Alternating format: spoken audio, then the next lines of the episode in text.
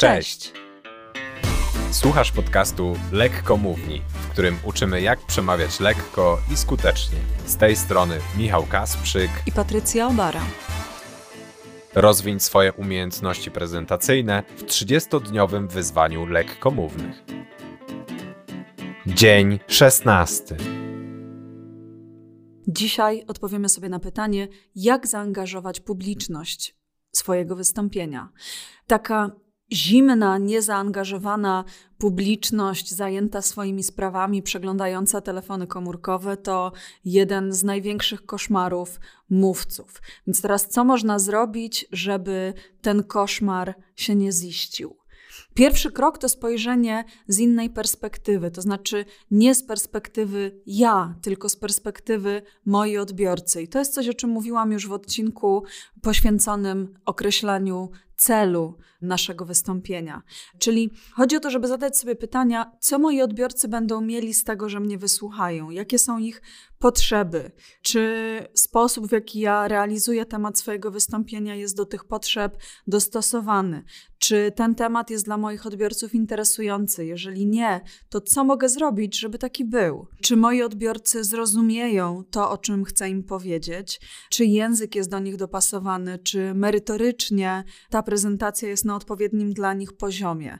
Z jaką grupą będę mieć do czynienia? Czy to będzie kilka osób, czy może kilkaset? W jakich warunkach będę prezentować? Czy oni już będą na przykład zmęczeni, bo wysłuchali ośmiu prelekcji przed moją, czy przyjdą ze świeżą głową i po porannej kawie i będę dysponować dużą ich uwagą.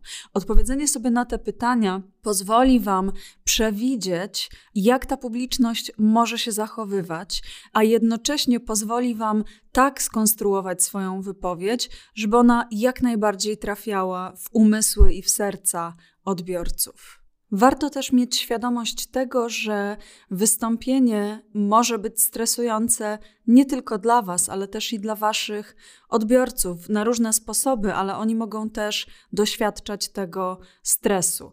Wy w sposób oczywisty, bo będziecie stali na scenie, będziecie przemawiali, natomiast Wasi odbiorcy również mogą się poczuć lekko zagrożeni, ta sytuacja może im się wydawać nieprzewidywalna, mogą się obawiać, że na przykład zostaną w cudzysłowie wywołani do odpowiedzi i nie będą tej odpowiedzi znali, mogą się obawiać krytyki czy ośmieszenia.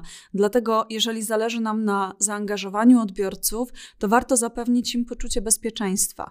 I można to zrobić na przykład wyjaśniając im zasady, czy też przebieg prezentacji, zanim ją rozpoczniemy, czy też na samym jej początku. Można poinformować, że będzie czas na zadawanie pytań, albo poinformować, że prezentacja będzie się opierać na interakcji i że będziemy oczekiwać zaangażowania, że będziemy kierować do publiczności jakieś pytania w trakcie naszego wystąpienia. Uprzedźmy odbiorców, czego będziemy od nich oczekiwać, żeby uniknąć efektu zaskoczenia, tego nieprzyjemnego, bo oczywiście możemy też zastosować efekt zaskoczenia, który zadziała na naszą korzyść, ale zadziała właśnie wtedy, kiedy publiczność nie poczuje się tym zagrożona, osaczona czy po prostu wytykana palcami. I jeszcze jedna rzecz, którą można zrobić, to przełamanie lodów. I tutaj najprostszy sposób, co zabrzmi być może banalnie, to uśmiech. No banalnie, ale działa. Kiedy się uśmiechamy, nasi odbiorcy odbierają nas jako przyjaźnie nastawionych, a to daje im większe poczucie bezpieczeństwa. Oczywiście nie w każdym kontekście ten uśmiech będzie na miejscu, natomiast jeżeli jest, to warto z tego narzędzia skorzystać. Zastanówmy się też nad tym, skąd się w ogóle bierze zaangażowanie.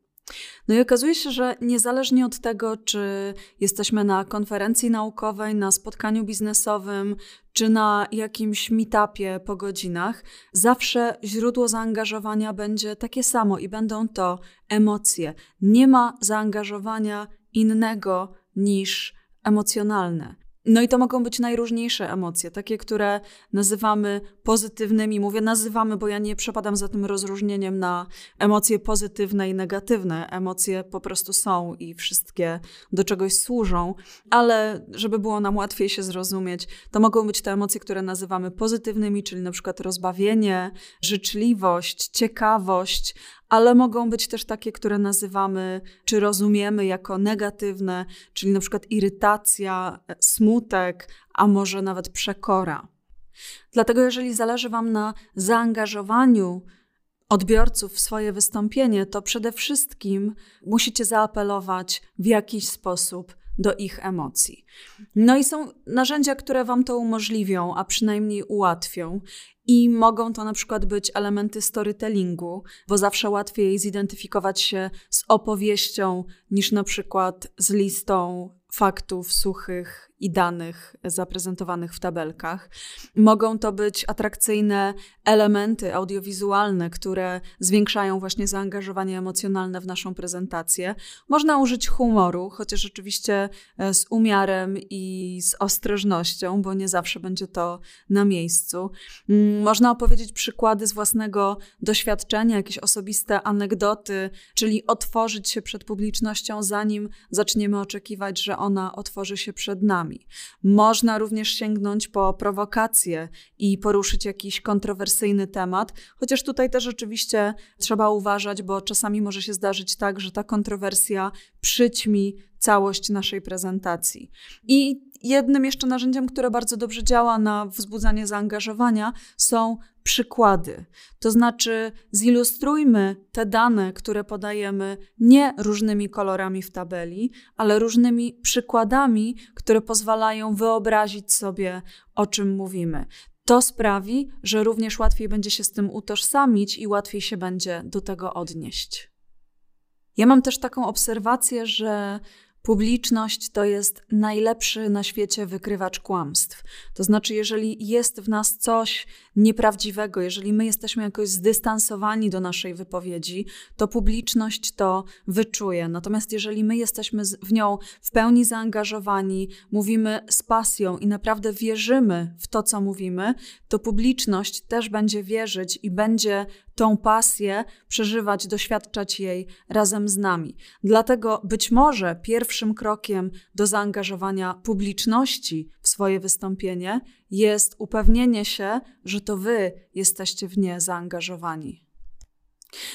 No i czasem zdarza się, że przychodzimy tam, gdzie mamy to wystąpienie wygłaszać i Wszyscy od razu są z nami, wszyscy od razu są aktywni, bo są tak zainteresowani tematem, że w ogóle do żadnego zaangażowania nie trzeba ich namawiać, to po prostu jest. Ale czasami publiczność jest trudniejsza do rozruszania. Na przykład są już bardzo zmęczeni, albo temat jest trudny, albo są z jakiegoś powodu sceptycznie nastawieni do nas jako do prelegentów. I wtedy Zazwyczaj niekorzystne jest zaczynanie od razu z takiego wysokiego C, czyli rzucanie jakiegoś trudnego, kontrowersyjnego, osobistego pytania w tłum i oczekiwanie na odpowiedź. Wtedy może się wydarzyć, że ta odpowiedź się nie pojawi. Ja bym tutaj polecała przeprowadzenie w kilku krokach waszej publiczności przez ten proces aktywnego angażowania się w Wasze wystąpienie. Pierwszy krok to odniesienie się do doświadczenia odbiorców. Można na przykład powiedzieć, część z Was słyszała pewnie o tym i tamtym, i tu jakoś nawiązujemy do tematu naszej prezentacji. Osoby, które rzeczywiście o tym zjawisku słyszały, poczują, że mówicie do nich i że macie ze sobą coś wspólnego, więc ich zaangażowanie naturalnie wzrośnie, a pozostałe osoby prawdopodobnie będą ciekawe, co to też takiego jest, o czym pewnie większość ludzi słyszała, a oni jeszcze nie, więc będą chcieli się dowiedzieć, o czym mówicie. Drugi poziom zaangażowania to pytanie retoryczne. Czyli rzucamy takie pytanie w publiczność, nie oczekując odpowiedzi, a jednocześnie, ponieważ jednak jest to pytanie, to wewnętrznie nasi odbiorcy prawdopodobnie sobie na nie odpowiedzą. Będą mieli przy tym absolutne poczucie bezpieczeństwa, nie muszą się odzywać, nie muszą się wychylać ze swoją odpowiedzią, mogą sobie odpowiedzieć w głowie, ale jednocześnie to o krok przybliża ich do Was. Kolejny krok to głosowanie. Można zadać pytanie, kto z Was uważa, że. I tutaj albo no, na różne sposoby można to rozwiązać, albo na przykład poprosić naszych odbiorców, żeby podnieśli ręce. Czasami są takie specjalne urządzenia do głosowania. W każdym razie to już wymaga jakiegoś aktywnego zaangażowania z ich strony, natomiast nie wymaga jeszcze zabrania głosu, wymaga podniesienia ręki albo wciśnięcia przycisku. To jest jakoś trochę mniej odsłaniające, trochę bardziej anonimowe, e, więc też wydaje się bezpieczniejsze. Kolejny krok to zadanie pytania zamkniętego. Tutaj możliwe są odpowiedzi tak lub nie, więc no, nie ma się co rozwijać, jest małe ryzyko udzielenia w cudzysłowie złej odpowiedzi, więc jest to też relatywnie bezpieczna sytuacja. No ale różnica jest taka, że tutaj już nie można odpowiedzieć za pomocą ciała, trzeba wydobyć głos. I ostatni poziom, piąty, czy też ostatni krok zbliżania się do publiczności, to pytanie otwarte. Zadajemy je w momencie, kiedy nasza publiczność jest już gotowa na to, żeby aktywnie i z użyciem głosu zaangażować się w nasze wystąpienie. Natomiast to, co jest tutaj bardzo ważne, to to, żeby tego pytania nie zadawać z tezą, z jakimś wewnętrznym założeniem, że my wiemy, jak ta publiczność powinna na to pytanie odpowiedzieć, a już co gorsza, nie powinniśmy uzależniać dalszego przebiegu naszego wystąpienia od tego, jaka padnie odpowiedź. To znaczy, jeżeli pada pytanie, na przykład, jakie pierogi lubicie najbardziej? Takie pytanie zadają prelegenci, bo, no bo oni bardzo lubią ruskie i zakładają, że większość osób też odpowie, że ruskie. No i potem oni mają zamiar na tym zbudować całą historię ruskich pierogów. No ale zadają to pytanie i okazuje się, że tak. Część osób na widowni ma nietolerancję laktozy, część osób nie je glutenu, część to są weganie, a część w ogóle nigdy nie lubiła pierogów. No i mamy kłopot i nie wiadomo, co z tym wystąpieniem dalej zrobić, jak wybrnąć z tego impasu, że publiczność odpowiedziała źle czyli nie tak, jak się spodziewaliśmy. Żeby uniknąć takiego ryzyka, proponuję jednak zadając pytanie, mieć w sobie otwartość na to, że odpowiedzi mogą być naprawdę różne i na te różne scenariusze się przygotujcie. Podsumowując, po pierwsze, jeśli chcecie, żeby wasza publiczność angażowała się w wasze wystąpienie, to to wystąpienie musi być trochę o niej. Musi odpowiadać na jej potrzeby.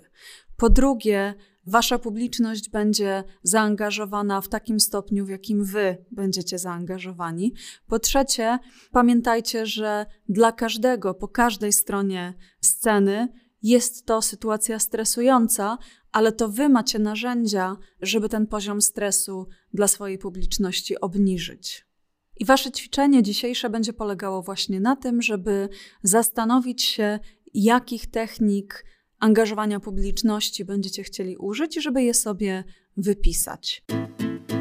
Zasubskrybujcie nasz podcast w Spotify, Apple Podcasts czy gdziekolwiek, gdzie teraz go słuchacie, jeżeli jeszcze tego nie zrobiliście. Dzięki temu na pewno kolejne odcinki Was nie ominą.